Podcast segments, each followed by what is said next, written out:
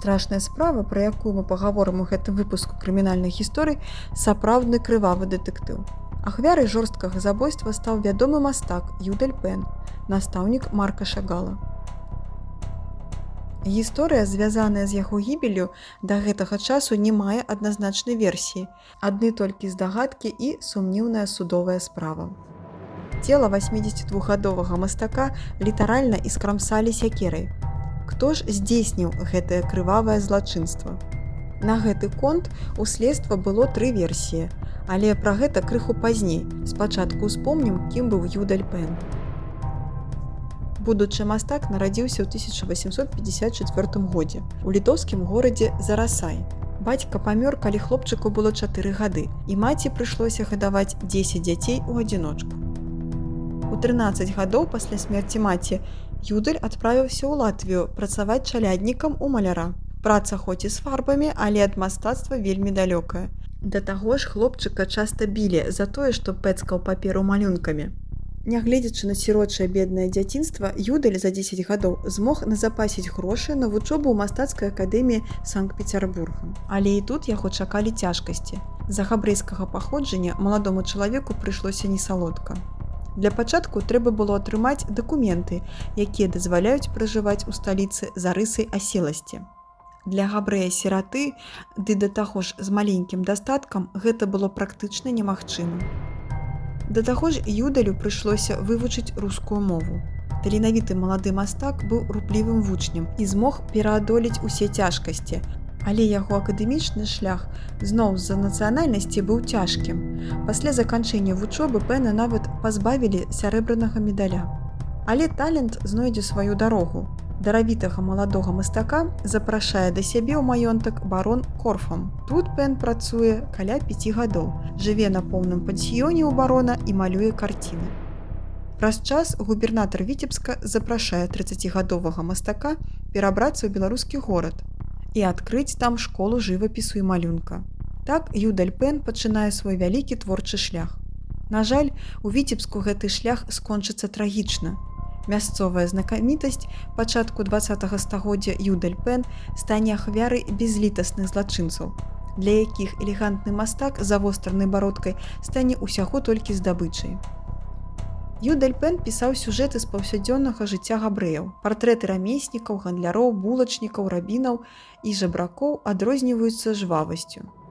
За гады творчасці мастак стварыў больш за 800 твораў а ў вучнях у жывапісца значыцца скульптар Восіп Цаткін, чыю скульптуру ў 2019 годзе усталявалі ў мінску каля будынку Белкаспромбанка. Скульптар Оскар Мешчанінаў яго працу таксама вярнулі ў Беларусь у 2015 годзе. Заір Азгур, чые працы захоўваюцца ў нацыянальна-беларускім музеі, а таксама Юдаль Пен быў першым настаўнікам Марка Шагала. З шагалам іх звязвала цёплае сяброўства да самай смерці Пена.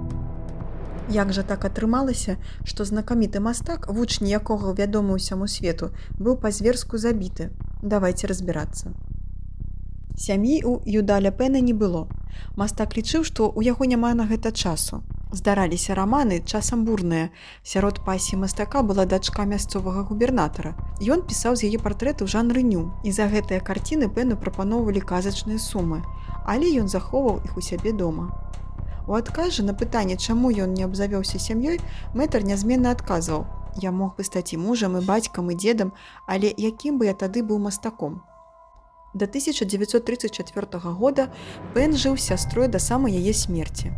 У вялікім пакоі сваёй кватэры мэтр арганізаваў вучэбную майстэрню, дзе займаўся з вучнямі. Яе сцены ад падлогі да столі былі абвешаны яго карцінамі, эскізамі і эцюдамі. Мастак выкарыстоўваў іх у якасці метадычных прыкладаў. У маленькім пакойчыку пражываў ён сам разам з сястрой, якая вяла няхітрую гаспадарку. Яшчэ ў адным пакоі была асабістая майстэрня жывапісца. Аднак прадаваць свае працы Пен не любіў, хоць з грашыма часамі і даводзілася туга. Плату за навучэнне ён браў невялікую, а таленавітыя дзеці з бедных і сірочых сем'яў і зусім навучаліся ў яго бясплатна. Іх навучанне часткова аплачваў уладальнік піваварнага завода Адольф Левінсон. Пен прымаў удзел у першай віцебскай дабрачыннай мастацкай выставе на карысць таварыства апекі аб дзецях. Мастак падтрымліваў пастаянныя сувязі з яўрэйскім таварыствам заахвочвання мастакоў і неаднаразова прымаў удзел у выставах, сустрэчах і дабрачынных мерапрыемствах гэтай арганізацыі. Паступова мы падыходзім да падзей крывавай драмы. Майстар быў забіты 28 лютага у прамежку часу паміж 18 і 19 гадзінамі ў сваёй кватэры. У доме, які знаходзіўся на рагу вуліц Гогалеўскай і замкавай, сёння вуліцы Леніна і замкавая. Увечары суседская хатняя прыслужніца прынесла мастаку вячэру і запаліла свечкі. У гасцях у пэна яна заспела незнаёмага смухлага мужчыну. А ўжо раніцай наступнага дня малочніца ўбачыла адчыненыя дзверы і выявіла нежывое цело мастака і скрамсаная сякерай з матэрыялаў крымінальнай справы. Пры аглядзе месца здарэння установлена. Труп забітага пэна ляжаў паміж кушэткай і грубкай на падлозе у паліто штанах. На нагах чорныя гумовыя старыя чаравікі. На галаве і твары трупа, ляжала чырвоная ватовая коўдра і падушка усё ў кроплях крыві под трупам знойдзена маленькая сякерка уся ў крыві а на кушыцы нож на галаве шэраг пашкоджанняў костак чэрапа і перарэзана горла забойцамі пакінутыя сляды крыві на кіцеле і паліто якія віселі ў шафе і на кішэні паліто надзетага на гэна У кухні на ракавіне рукамыніка таксама сляды крыві. Існуе тры версіі, хто ж забіў Юдаля Пэна. Афіцыйным следствам была ўстаноўлена, што стрыечная сестра Пэна так марыла аб яго калекцыі карцін, што прапанавала яму ажаніцца на сваей дачке 17гадовай нэхе калі пен адмовіўся. Дзеці той жа стрыечнай сястры пачалі планаваць забойства абмяркоўваючы як завалодаць маёмасцю мастака якога сямейства мяркуючы па ўсім лічыла з кнарам а спадчына мастака было вялікай. Пен адмаўляўся прадаваць свае палотны якія ён пісаў не на заказ. Атрымалі адмову і куратары трыцякоўскай галерэі якія жадалі займець некалькі карцін. А на ўсе пытанні сваякоў чаму мастак не прадае карціны калі сам жыве практычна ў галечы ён адказваў детачки я не гандлюю сваім натхненнем пакуль ішло следства віцебск развітаўся з юдалем пенам у палацы працы куды прыйшло каля 50 тысяч чалавек.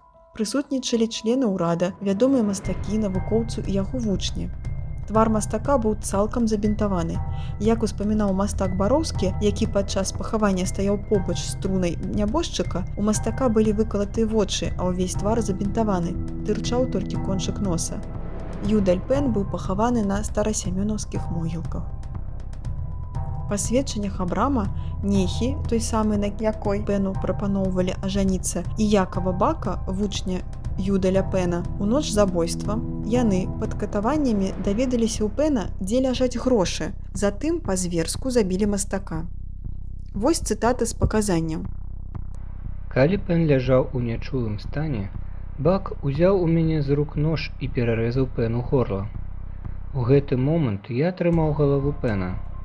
Калі мы ўбачылі, што пэн мёртвы, пачалі абшукваць кішэні яго адзення.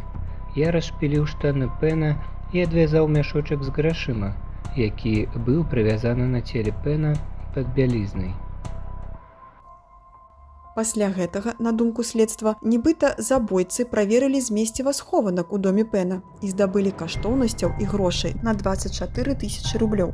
Нагадаем, што гэта быў 37 год. Сярэдняя заработная плата складала 350 рублёў. З 16 по 22 красавіка 37 -го года абвясцілі адкрыты суд, пра які казаў увесь горад. У залу пасяджэння пускалі па спецпропусках. Аднак падчас суда амаль усе абвінавачаныя адмовіліся ад паказанняў, казалі, што на іх аказвалі ціск, страшна білі і прымушалі прызнацца ў злачынстве. Яны сцвярджалі, што не забівалі юдаля пена. Дарэчы, па нейкіх прычынах крыміналісты не знялі адбіткі пальцаў з прылады забойства двое забінавачаных якаў бак і адзін з фанштейнаў апраўдалі бо умоў ад забойства іх не было ў горадзе аднак уся сям'я стрыечнай сястры пэна з 9 чалавек была асуджана матывам іх злачынства прызналі факт што мастак меў намер пасля смерці аддаць усе свае карціны гораду а не пакінуць іх сям'і Аднак у кватэры знайшліся грошы, якія па нейкіх прычынах не забралі злачынцы, а таксама ашчад кніжкі мастака, а на сценах засталіся вісець каштоўныя карціны. Лея, стрыечная сястра Пэна і яе сын Абрам атрымалі па 10 гадоў. Неха 8. Яшчэ адна пляменніца Пэна рыва три гады умоўна, астатнія па два-тры гады. Некаторыя вінавачаныя пасля вызвалення адправіліся на вайну. Пляменніца загінула ў віцебскім гетам. Існуе другая версія. Юдаль Пен пісаў аголеную натуру. Не заўсёды мужы натуршыц былі задаволеныя вынікам. Ёсць версія, што Пэна забіў высокапастаўлены міліцыянт, жонка якога была адной з натуршчыц і яе партрет вісеў у кватэры мастака. Як мы памятаем, Пен вывешваў усе свае карціны ў кватэры. Падчас следства працы мастака не былі пералічаны і, натуральна, некаторыя з іх зніклі, у тым ліку і партрэт у стылі ню. Гэтую версію агучыў падчас расследавання следчы, які прыехаў з Менска ў Віцебск для кантролю нашумелай справы. Ён выказаў здагадку, што Пен быў забіты віцебскім следчым з рэўнасці. Але гэтую версію хутка замялі. Па яшчэ адной версіі датычным да забойства Пэна мог быць следчы Іван Гарбаленя, які нібыта хацеў купіць у мастака карціну з аголенай натуршыцай. Але Пен яму адмовіў. Але чаму хатняя прыслужніца тады не апазнала гарбаленю ў вячэрнім наведвальніку. Магчыма, ёй было страшна, часы былі цяжкія. На карысць гэтай версіі сведчыць той факт, што мінскі следчы прытуляк ужо пасля забойства мастака бачыў партрэт незнаёмкі ў кабінеце гарбалені і выклаў свае падазренні ў рапраце начальству. А праз некалькі дзён прытуляка знайшлі з прастрэленай галавой. Варта сказаць, што ў тым жа 37 годзе быў расстраляны начальнік віцебскага следчага аддзелу за катаванне ў дачыненні да падследных і жорсткае забойства сваёй жонкі. Існуе і трэцяя версія. Вучні Пэна прытрымліваліся думкі, што мастака забілі не сваякі і зусім не раўнівы муж, а супрацоўнікі Энкус. Звязвалі гэта і з працай сталінскай рэпрэсіўнай машыны 37 -го года. Мелася на ўвазе таксама цесная сувязь і перапіска Юдаля Пэна з маркам шагалам. Марк Шагал у двадцатых годах эміграваў у Францыю і атрымаў французскае грамадзянства. У Пэна да таго ж захоўваліся некалькі ранніх работ шагала, якія мастак хацеў вывесці ў Парыж. Яшчэ адну версію агучвала унучатая пляменніца Пэна Ганна Герштейн.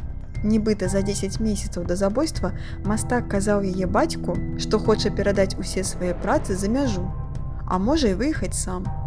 Маўляў, у віцебску пасля яго смерці карціны будуць нікому не патрэбныя.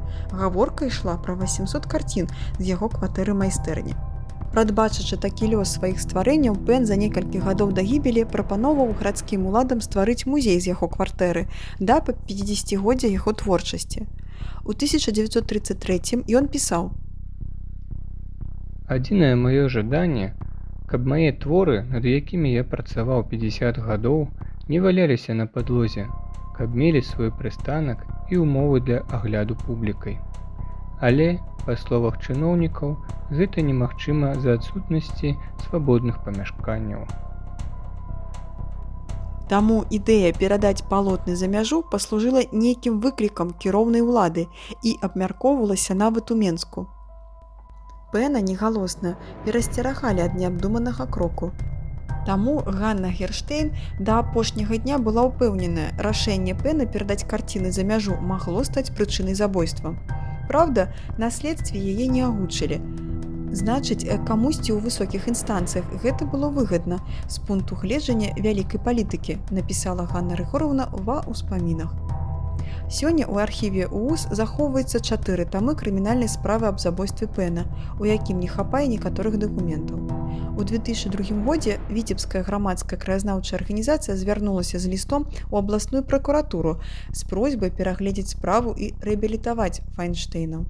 У афіцыйным адказе гаворыцца, што сучасная пракуратура лічыць іх віну даказанай. Вы праслухалі падкаст крымінальныя гісторыі ад комікс бівай. Подписывайтесь, каб не пропусціць наступны выпуск. Падтрымаць нас можна на старонцы Patreon.